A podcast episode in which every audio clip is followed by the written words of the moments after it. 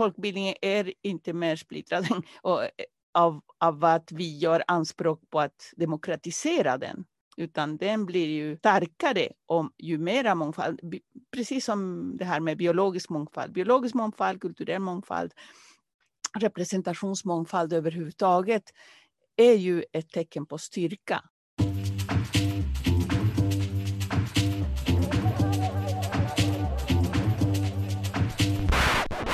Välkomna till Folkbildningspodden som görs av tankesmedjan Arena Idé.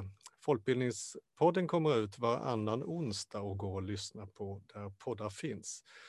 Jag heter Ola Bo Larsson och med mig i eh, studion som vanligt eh, Felicia Hedström som är rektor på Jakobsbergs folkhögskola. Våra gäster idag är Carmen Blanco Valer eh, från eh, Färnebo folkhögskola och Zainab Wahabi som arbetar på ABF Idag ska vi tala lite grann om folkbildning och representativitet eller folkbildning och mångfald. Men låt oss börja med att vi får en liten bild av våra gäster idag.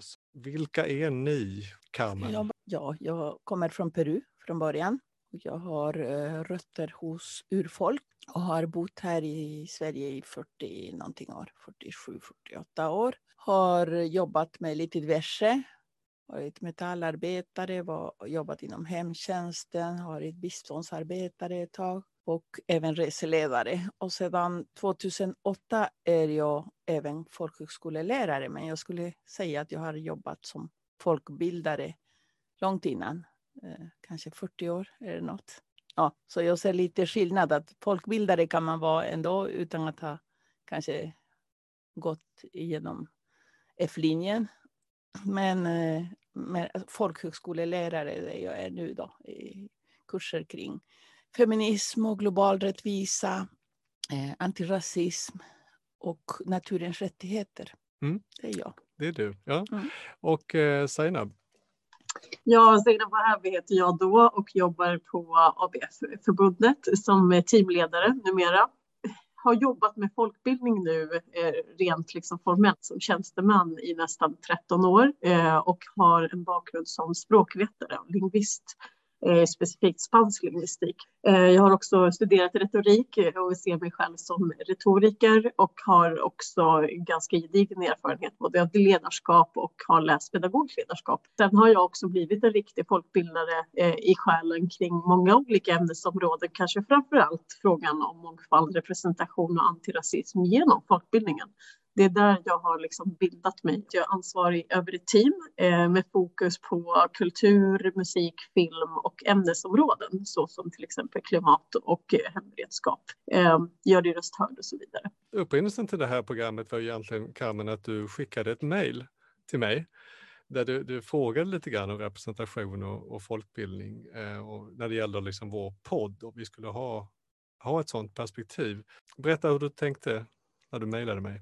Ja, det var väl kanske att jag tänkte att på många ställen eller många folkbildande miljöer eller alternativa miljöer och så man pratar ofta om inkludering, om mångfald och så där, utan att de som detta berör är med. Och det var därför jag undrade liksom om hur det var. Om det var. Bildning är ju viktigt att prata med folk, inte bara prata om folk. Och då menar jag folk, så här, folkgrupper till exempel. Ja, både kvinnor och folk som är födda utanför Sverige, utanför, eh, utanför Europa, eh, hbtq-personer, eh, personer som har funktionsvariationer och sådär. Just att en av folkbildningssyften är ju att um, utveckla demokratin och fördjupa den. Och därför tänker jag att demokratin måste ju den måste vara flerstämmig. Att det finns många stämmor som hörs, många perspektiv som hörs. Och det är väl det jag tänkte, åh vad, vad intressant, podd om folkbildning. Vilka stämmor är, är det väldigt monokulturellt eller eh, precis som apropå det här med klimat och miljö och så där. Det är ju ganska vedertaget att det är bra med biologisk mångfald och inom samma tankesätt att det är viktigt också med en perspektivmångfald. Då. Att det handlar om att många röster ska höras, många perspektiv ska höras. Då tänkte vi väl rätt, Emmorna Hedström och Larsson tänkte att bra ta ett eh, program om detta. Eh, hur tänker du Sina om representation och folkbildning? Eh, tack så mycket för det här initiativet och tack så mycket Carmen, verkligen. Du är alltid också en, en förebild för mig, både de här frågorna och många, många andra folkbildningsfrågor. Och för att inte repetera utifrån det som Carmen redan har sagt så om vi tittar tillbaka rent historiskt på arbetarrörelsen och nykterhetsrörelsen så fanns det ju en folkgrupp som var väldigt homogen rent biologiskt eh, när man organiserade eh, fackligt eller man skulle organisera liksom utifrån eh, att liksom skapa ett samhälle jämlikt för alla i en, en, struktur, liksom i en strukturell form. Och då kanske man kan gå tillbaka så som att prata om kvinnors rösträtt och avsaknaden av den tills att den kom till. Men idag så pratar vi om en arbetarrörelse och arbetare som har nya utmaningar. Och de utmaningarna kan, kan oftast handla om att man just inte är infödd, att man har andra kulturella referensramar eller också har med sig, liksom, bär med sig ett bagage som det stora samhället inte förstår och som då också följer med i, i strukturerna. Och där är ju folkbildningens roll verkligen en jätteviktig att tänka representation, att oavsett vad man har för bakgrund eller inte så ska kakan fördelas jämlikt mellan människor. Men det finns vissa jämlikhetsfaktorer som vi måste prata om som rasifiering, som eh, liksom andra saker som faktiskt ställer till det. När man till exempel vill gå en kurs på universitetet eller när man får betyg satta eller när man också ska söka sig till ett arbete vad, i vilken kategori sätts man? Jag tänker på de här olika begreppen som vi har redan introducerat lite grann det här med representation och mångfald. Är representation det som är det bästa uttrycket som ni tycker just för en den diskussionen som vi nu, är det det begreppet vi ska använda? Det är lite problematiskt, för ibland tänker man på representation som att till exempel olika grupper ska vara med men kanske ändå inte få säga sitt, utan, utan bara som någon slags alibi eller som okej, okay, nu har vi en kvinna, okej, okay, nu har vi en som inte ser eh, blond ut. Och det handlar inte om det, liksom. så det handlar inte vare sig om tillskrivna genus eller ens eh, eh, liksom självvalda genus eller om pigment heller, eller var man är född. Utan det handlar om, eh, jag ser i alla fall det som att det är aktiv, aktiv representation, att vara med och bidra till att forma samhället. Så det handlar ganska mycket om erfarenhetsbagage och perspektiv. Precis som att man tycker att det är viktigt att till exempel arbetarklassen eh, eller personer med arbetarklassbakgrund är med. Därför de har ju en annan perspektiv från världen, av, av skolan, av, eh, ja, av många andra olika, av boende och så vidare. Och då bör också vara den andra representationen inte gå ut efter några, vad ska man säga, att man har bara en person där för att ja, nu har vi invandrare och helst en kombo liksom att eh, har ibland upp, uppfattats som att jag är kombo, jag är både kvinna och med en annan bakgrund än svensk. Då. Så det, det får inte vara så, utan man, att man är på riktigt, att man är med och aktiv är historie, historisk varelse att, utifrån Pavlov Paulo Freires definition, liksom, att, att vi är med och omformar samhället tillsammans med andra. Genom en kanske blir det vissa kollektiv som blir representerade i dialogen och möts där varandra med, med sina perspektiv. Och sen vill jag inte säga att var och en av oss är alltid representant för hela den, det kollektivet heller. Men ändå att man lyssnar på flera perspektiv. Inte minst till exempel att man bär på historiska trauman eller inte bär på det. Till exempel vi som kommer från de koloniserade världsdelar och då bör även dessa perspektiv vara med. Eller att vi, oavsett vad, vad frågan gäller, till exempel pandemin, då tänker vi okej, okay, här är pandemin, ja, men det stället som jag kommer ifrån, hur slår det pandemi där? Eller om det är våld mot kvinnor, ja, här är det så, men där borta är det på ett annat sätt. Så att vi har ofta olika referensramar och det är väl det som folkbildning ofta strävar efter, att flera perspektiv ska mötas i dialog, i en demokratisk dialog. Jag tänkte, du sa Carmen, du inledde med att säga att ja, men när man vänder sig då och vi ska eller när man inom folkbildning ska prata om mångfald eller fler perspektiv så kanske man pratar om den det gäller istället för var, har du, varför är det så? Jag tänker Seinab sa lite att det finns någon slags historisk kontext som kanske gör att man har som ligger till grund för det. Men varför tänker du idag att det är så? Att man pratar om och inte med? Jag tror att det är väl alltid de som har haft mikrofonen, om man säger så, de som har haft tolkningsföreträde, de släpper ju inte gärna den ifrån sig. Jag kan tänka mig, eller det finns många exempel även från hur när kvinnor intågade, vita kvinnor, eh, ofta överklasskvinnor, tågade in i riksdagen och så, så var det säkert väldigt svårt för dem. Det är inte konstigt att till exempel den här härskartekniker utvecklades av en riksdagsledamot i Norge, nu kommer jag inte ihåg namnet, men som upplevde att bortom att hon var, var folkvald eh, så fanns det subtila sätt att stänga ut henne.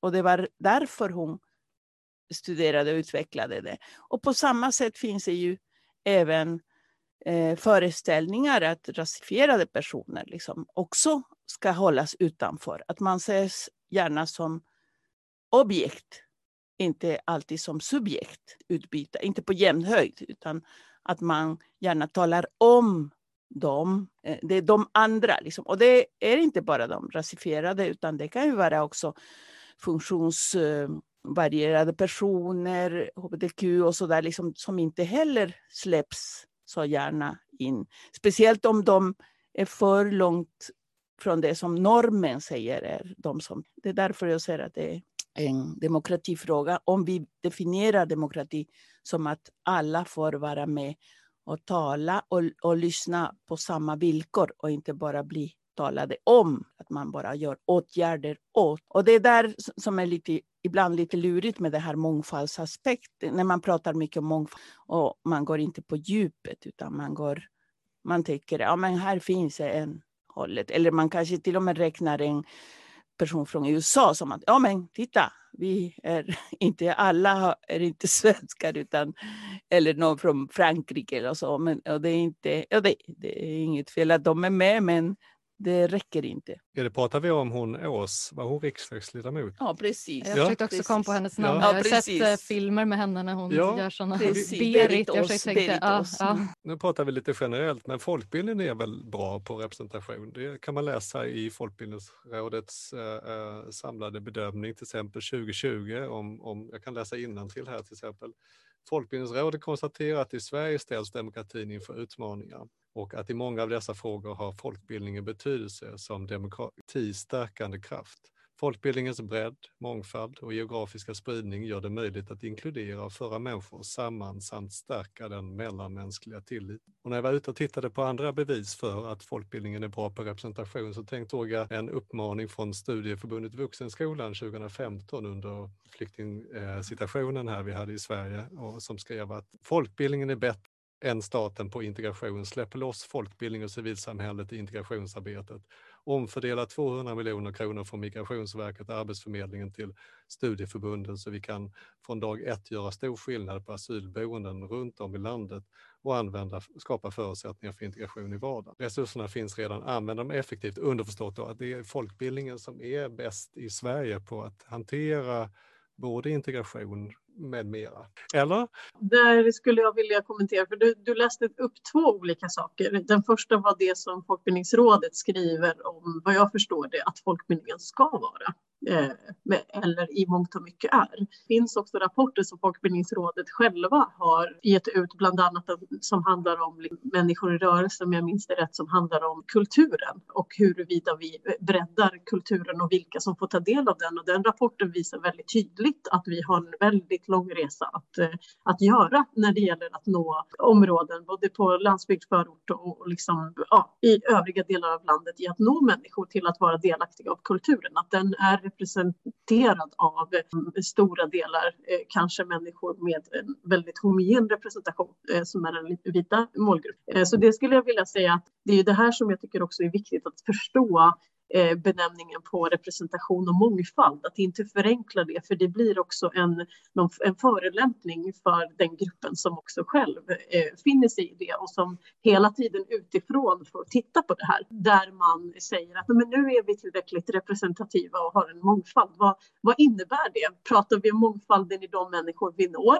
Pratar vi om människor som har flytt krig för cirka 5-6 år sedan? Vad händer med eh, första, andra, tredje, fjärde, till och med femte generationen generationens invandrare som inte ser sig själva än, än svenskar och som kanske knappt kan tala varken sitt eh, modersmål eller kan förhålla sig kulturellt till någonting annat än, än det svenska, eh, det man är uppväxt i. Är det det vi pratar om när vi pratar representation? Vilka Eh, hur ser människorna vi anställer på våra studieförbund och folkhögskolor ut? För att när vi pratar om representation så pratar vi oftast vilka det är vi når. Och vi pratar och lutar oss gärna mot flyktingar ganska ofta. Och vi klappar oss på axeln för det. Och det tycker jag är jättefint och jättebra och medmänskligt. Men är det det långsiktiga arbetet? Vad, vad, vad händer med alla andra i det här samhället som inte kan identifiera sig som någonting annat än svenskar och som någonting annat än att tillhöra det här samhället? Så där skulle jag ändå vilja säga att eh, folkbildning gör väldigt mycket. men Vi har en väldigt lång resa, till exempel i våra styrelser runt om i, i landet, både studieförbunden och folkhögskolorna. Hur ser styrelserna ut?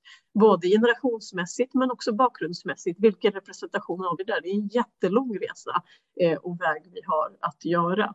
Eh, så att jag tror, och en uppmaning och en uppmuntran också till alla folkbildare och kanske främst de som har makt och inflytande i beslut och eh, som rekryterar människor att faktiskt tänka på den här frågan på ett mycket djupare plan. Det, det är inte alltid rätt att anställa en rasifierad kvinna på en tjänst bara för att säga men nu har vi det. För det kan också gå fel om, om kompetensen inte heller matchar det som efterfrågas. Och det kan också göra att man då ja, men det här som Carmen pratade om, om att vara ett alibi.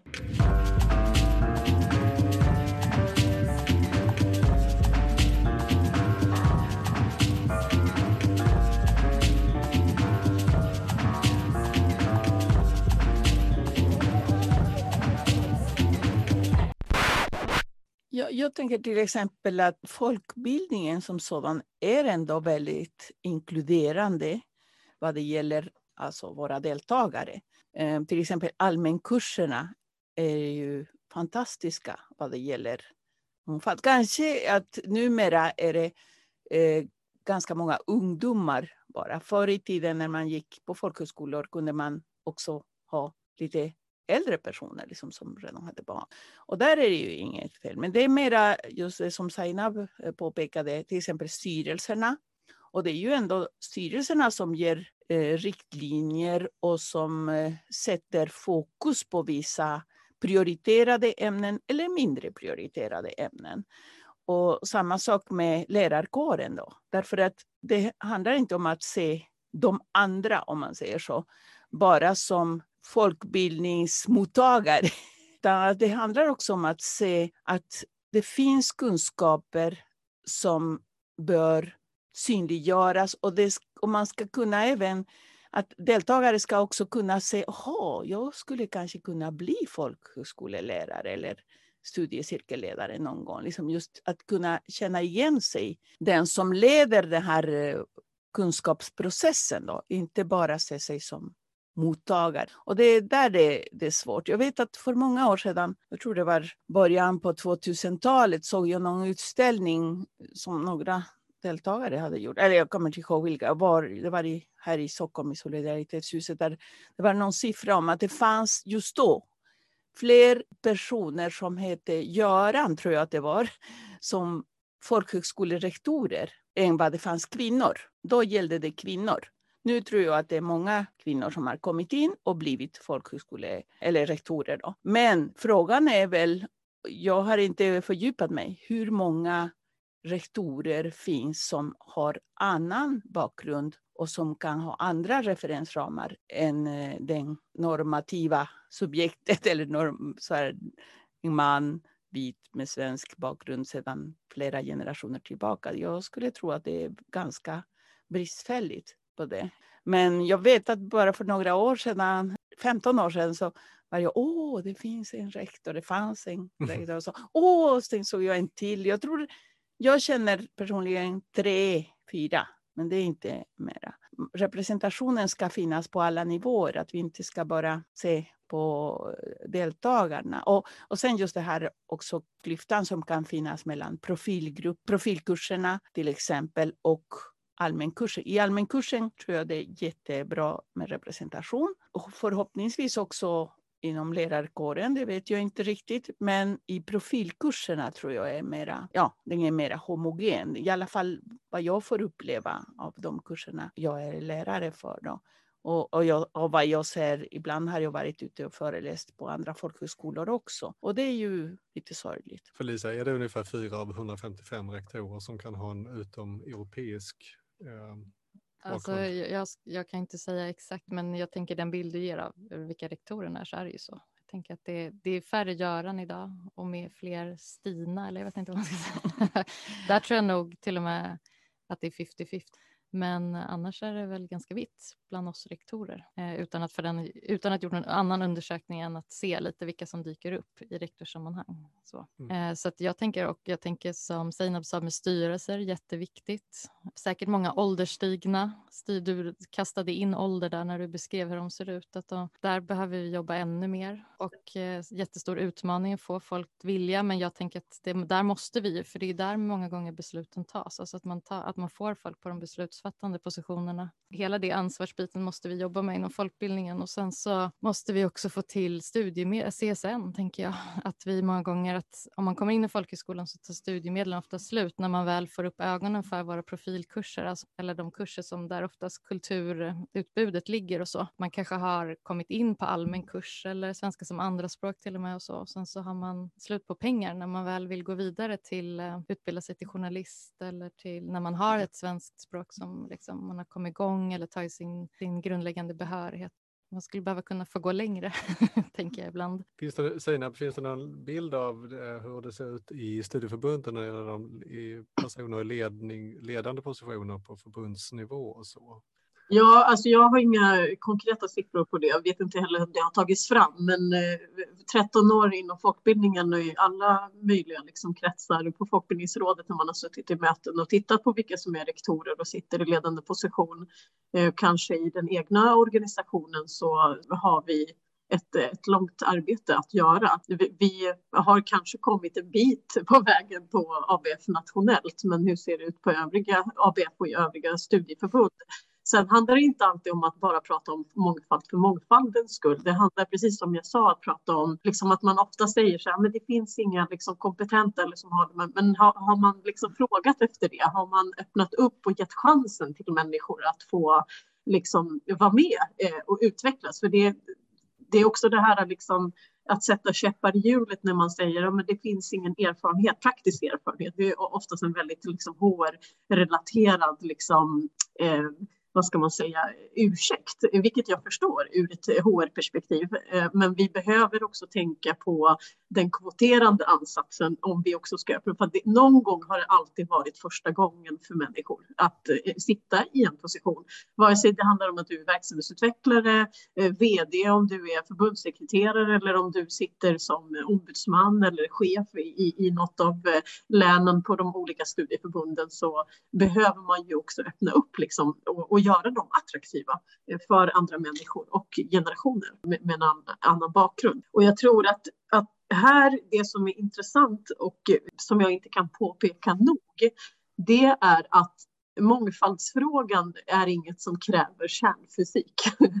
Det kräver inga liksom stora insatser eller liksom tankemödor för att få det att hända. Det är faktiskt något som man kan få det liksom, få hända väldigt snabbt och väldigt snart. Men bara man är liksom öppensinnad för det och vill det och har viljan. För jag tror att ofta så, även om man pratar om mångfald och representation så ställer jag mig också oftast frågan, finns viljan på riktigt till det? Eller är det något vi pratar om för att också liksom städa, verka städat vid dörren fast vi egentligen inte har någon ambition att göra det för att vi ändå fortsätter att både kompisrekrytera och vi fortsätter att liksom ge tjänsterna till de som vi känner oss, eh, ja men kan hitta liksom gemensamma nämnare med, tror vi i alla fall. Eh, för gemensamma nämnare har man ju oftast utifrån vilken bransch och vad det är man ska arbeta med kanske och inte jättemycket privatlivet egentligen. Om jag får förlänga lite den här diskussionen är väl också som jag kan se någon form av utvecklingspotential eh, är väl de politiska verksamheterna och den fackliga verksamheten i studieförbunden. Att där är representationen kanske inte lika hög som den borde vara, men man har ingen liksom facklig, vad ska man säga, Eh, representativitet utifrån att vara ordförande eller liksom att arbeta i facket, utan man är oftast en medlem som betalar en avgift. Att vi har väldigt mycket att eh, arbeta på och utveckla just inom fackförbunden och de politiska verksamheterna för att få en mångfald även bland människor som beslutar och liksom, eh, som representerar oss i det här samhället, både i politiken och i förtroendevalda poster.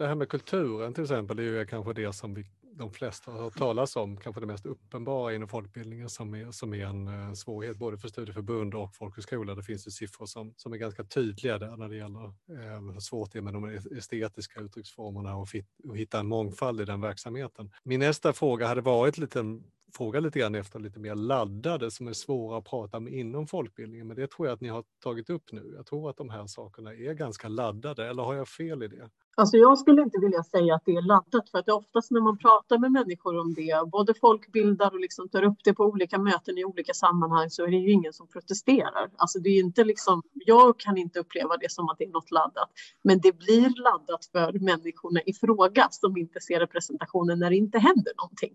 Eh, då blir det en laddning i det. För det blir att sitta av möten och påpeka det här, uppmärksamma, till och med uppmuntra och bidra med arbetsinsats för att det ska ske liksom en mångfald, en representation, men ändå är det någonting som stoppar det eh, i olika liksom, sammanhang. Eller att man att det blir liksom, man pratar om det på ett möte och så, är det liksom, så går man tillbaka lite, eh, till, till vardagen eh, lite grann så blir det med den frågan. Så jag skulle inte vilja säga att det blir laddat när man tar upp det med människor, utan alla skriver under på det. Men det är ju praktiken att få det att hända som är utmaningen. Kanske lite dålig stämning om man tjatar för mycket om det. Och den, den uh, behövs ju då för att få till en förändring. Jag tänker att vi kan absolut gå över till förändringsstegen, för de är ju de intressantaste. Hur får vi, får vi det här att ändras? Jag ska bara säga när det gällde din, uh, Carmen, när du pratade om kulturutövarna inom särskild kurs på folkhögskola så, så har du alldeles rätt när det gäller lärarna. Så man säger enligt, eh, enligt den rapporten som Seinam refererade till om, om mångfald och förnyelse i, inom, som Folkbildningsrådet har gett ut så är det bara en procent av de estetiska lärarna på folkhögskola som har en utom europeisk bakgrund. Och det är ju eh, någonting som man har ändå lyft flera gånger och sagt att vi kanske går bet på den breddade rekrytering för vi tittar på fel ställe istället för att titta på vad är det för, för utbud, vad är det för lärare vi har och så. Jag skulle tro att det inte bara är de estetiska frågor utan även samhällsfrågor och det, det är det som är lite märkligt då, liksom att man kan hålla på och jobba med global rättvisa och nord och syd och, och få bort ojämlikheter och ha fantastiska visioner, men ändå eh, bara några som, eh, som pratar om det, men in, att man inte konkretiserar även i den, i den vardagspraktiken. Då. Och precis som Zainab sa, att det kanske inte är att man, vad ska säga, man argumenterar emot, utan det är mer så att, att det, det finns ett motstånd. Det finns ändå en tyst motstånd eftersom det inte händer några förändringar. Jag vet till exempel för några år sedan var jag aktiv i en förening av eh, kvinnor och icke-binära som vi tog fram en eh, rekryteringshandbok. Jag kommer inte ihåg vad den hette, men inkluderande rekrytering. Och då var det många med, utom eh, vad ska man säga, europeiska rötter. Utan det var hbtq-frågor. Det var så. Och, eh, och just sådana grejer. Liksom det, det, finns manualer, det finns, man kan rekrytera brett och sådär. Men man på något sätt skiljer på visionerna som många folkhögskolor har, som är inklusion och där det står liksom en bred demokrati och det finns fantastiska fina visioner som vi har. Och praktiken lever inte upp till dessa visioner i det lilla. Så det är där liksom är den här klyftan mellan det man säger sig stå för och, som tur är är ju folkbildning står ju för demokrati, demokratiska värderingar, står för, för eh, att överbrygga klyftor i samhället och, och så vidare.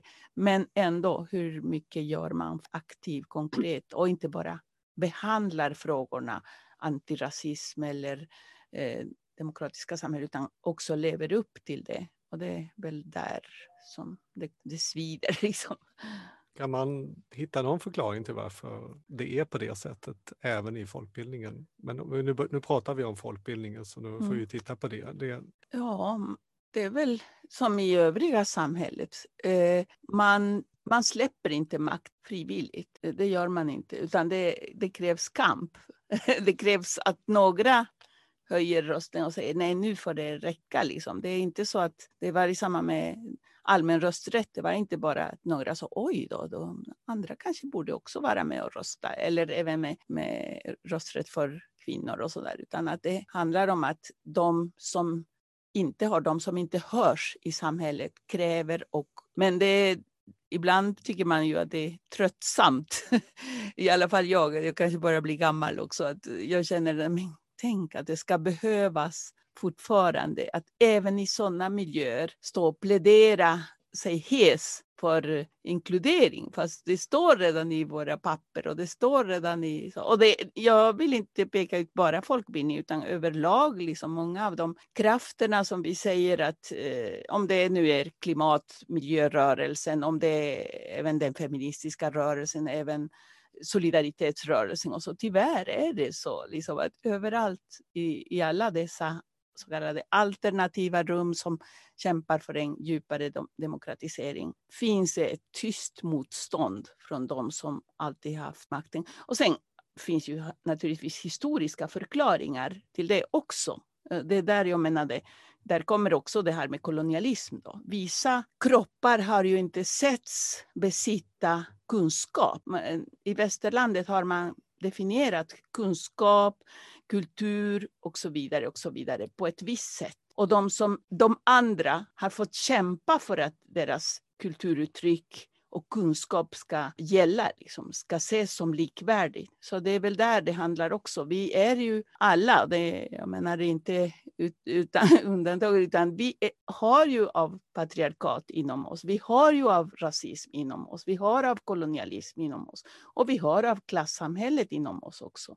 Så där är det ju just hur vi jobbar aktivt för att göra oss av med sådana grejer allihopa. Liksom. Att då, då kräver en aktiv handling. Och så. Oj då, varför tänker jag att de här personerna bara duger till att eh, städa eller varför är inte de mm. med och delar med sig av sin kunskap? Och jag vill inte se ner på städning. Jag har själv jobbat som städerska, så det handlar inte om det, utan att jag ska kunna både städa och ställa mig och hålla ett pass om någonting. Man, jag upplever till exempel att kro vissa kroppar ses ju inte att de besitter en viss kunskap. Till exempel många förvånas när jag säger att ja, vad är du lärare i? Och då säger jag kanske feminism och globala frågor och så. Och de, aha, liksom, det är lite mysko, liksom, det, det är de inte vana vid. Det är vita kroppar som alltid har pratat om feminism och det är alltid vita kroppar som har pratat om globala nord och syd och så där som ett snällt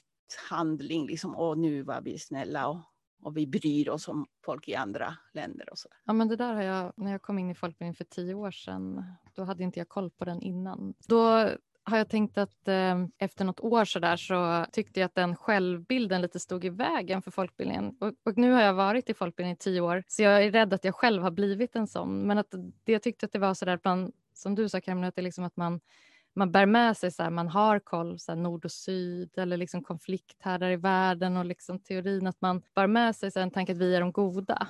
Och eh, jag funderar ibland på om det har stått i vägen för att se så liksom att, att ibland kan bli liksom ett hinder för att komma till det här att man måste kanske göra, att det inte räcker, att man måste göra ännu mer.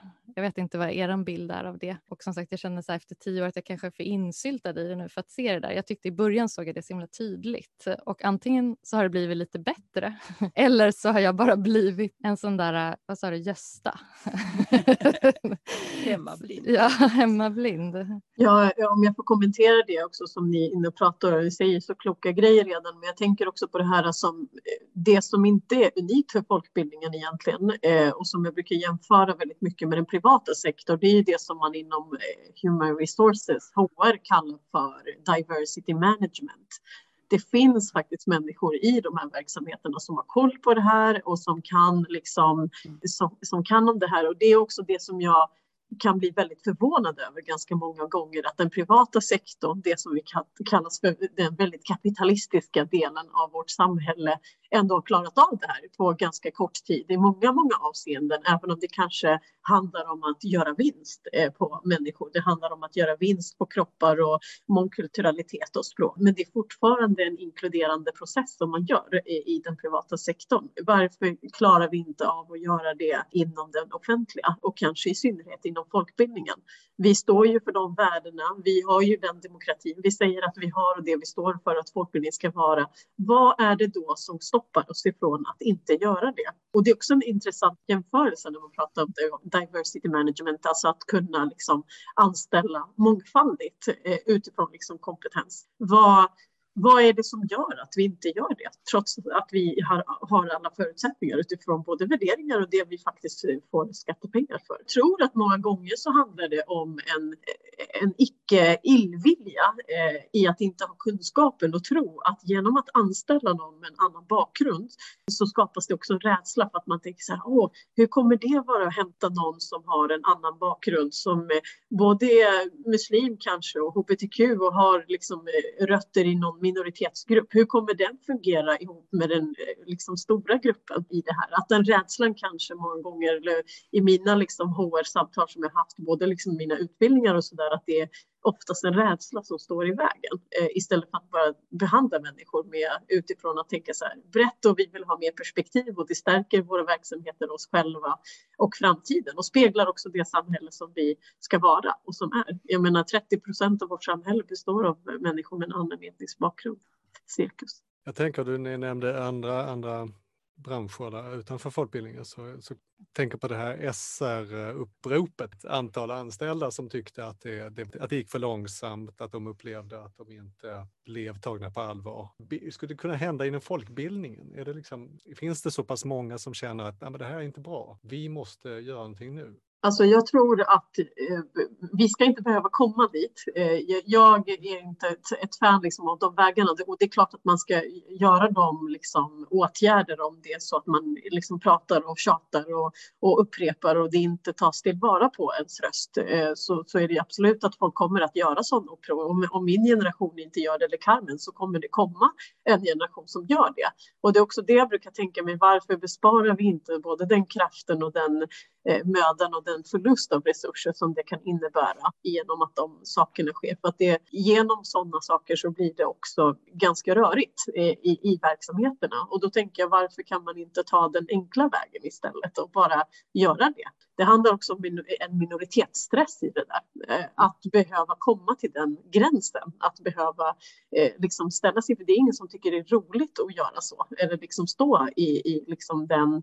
den positionen. Och därför är, har jag en vädjan till hela folkbildningen och den demokrati vi står för att vi ska vara inkluderande. Att så här, låt oss bara göra det, hjälpas åt. Och en uppmaning kanske i synnerhet till valberedare och eh, till rektorer och chefer som faktiskt har både makt och eh, insyn till att skapa den här förändringen ganska omgående.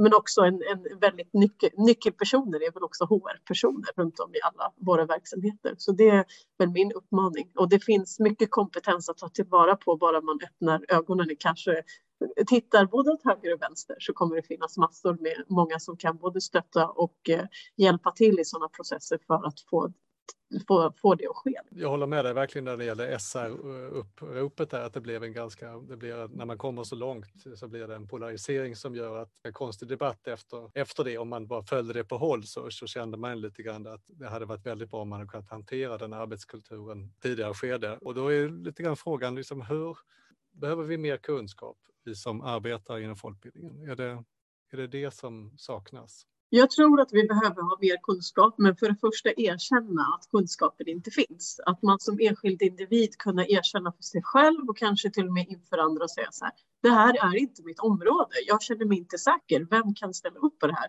Och det är också ett bra ledarskap att kunna både säga det, för då kan man också undvika att göra massa fel på vägen. Och man kan ju göra fel, absolut, och rätta dem därefter. Men, men jag tror att vi först och främst så behöver människor erkänna att de faktiskt inte förstår eh, vad de processerna handlar om i grund och botten.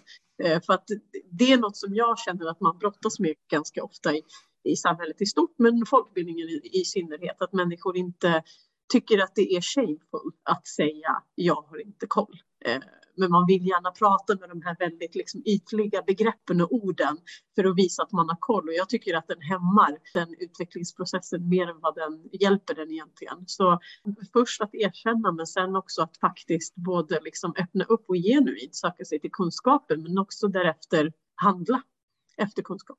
Vilka begrepp tänkte du på som, som kan hämma Ja, jag tänker många gånger så pratar vi om mångfald, vi pratar om inkludering, vi pratar om att rekrytera brett och rekrytera mångfald och att man anlitar firmor som kanske eh, anonymisera rekryteringsprocesser och så vidare och så vidare. Men egentligen så vet man inte. Man har inte koll. Man, man är inte liksom tillräckligt insatt och man gör inte allt som krävs för att det faktiskt ska bli så som det blir i praktiken. Sen måste jag ju säga, vi har kommit en väldigt lång bit i många av våra verksamheter, kanske i synnerhet ABF som är så nationellt, men vi har fortfarande väldigt lång väg att gå och den kräver både kunskap och agerande.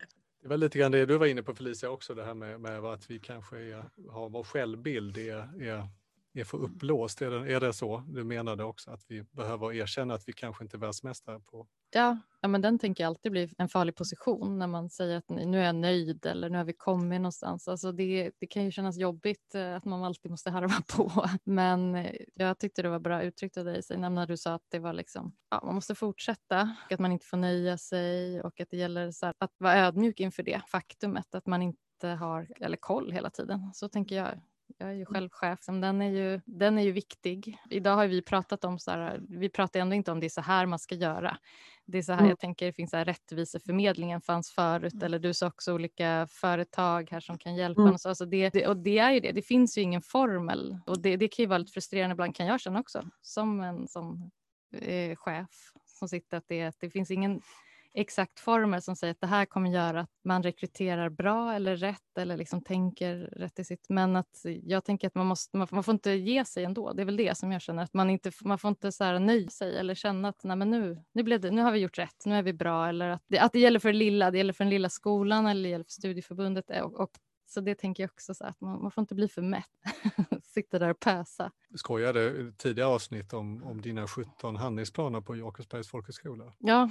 Men det är väl ändå så man får jobba med handlingsplan och börjar lida mot sitt slut här. Men fler perspektiv på det här. Vad, kan, vad ska göras? Vad kan göras? Jag, jag håller med dig om just det här att eh, ha insikt och ödmjukhet. Och att det här kanske vi inte... Vi skulle kunna vara bäst Just för att jag tycker att folkbildningen har ändå bäst förutsättningar men att vi kan bli ännu bättre. Apropå det här med eh, det här uppropet som du nämnde. Jag tänkte att sen är det ju så också att många av oss är ju medvetna om de hoten, överhängande hot, yttre hot som folkbildningen har. Och att man kanske många gånger ger med sig bara, liksom, just för att man tänker det finns tre fiender som är ännu värre och då kanske jag inte ska ta upp det här eh, med utjämning av klyftor inom bildningshemmet. Men det är hemskt också. Liksom liksom, att, att vi ska behöva nöja oss med, med det där. För det, det är ungefär vad som hände, även återigen tar jag jämställdhet som, som ett motto, när man inom arbetarrörelsen motsatte sig och hindrade att kvinnor skulle ta en aktivare roll inom rörelsen därför att man splittrade klassen. Och på samma sätt kan man se det här då, paralleller, att man, det är inte bra liksom, därför att klassen eller folkbildningen är inte mer splittrad och av, av att vi gör anspråk på att demokratisera den utan den blir ju starkare om ju mera mångfald, precis som det här med biologisk mångfald. Biologisk mångfald, kulturell mångfald, representationsmångfald överhuvudtaget är ju ett tecken på styrka. Och att om vi vänder det och vi ser ju mera vi, vi lyfter fram de här frågorna, att ju bredare eh, vi kan säga att vi står för demokrati, eller liksom, ju flera vi är, desto bättre kan vi stå pall för de potentiella eller de hot som finns som ifrågasätter folkbildningen överhuvudtaget. Vi vet ju alla att det finns sådana krafter i samhället som vill komma åt oss.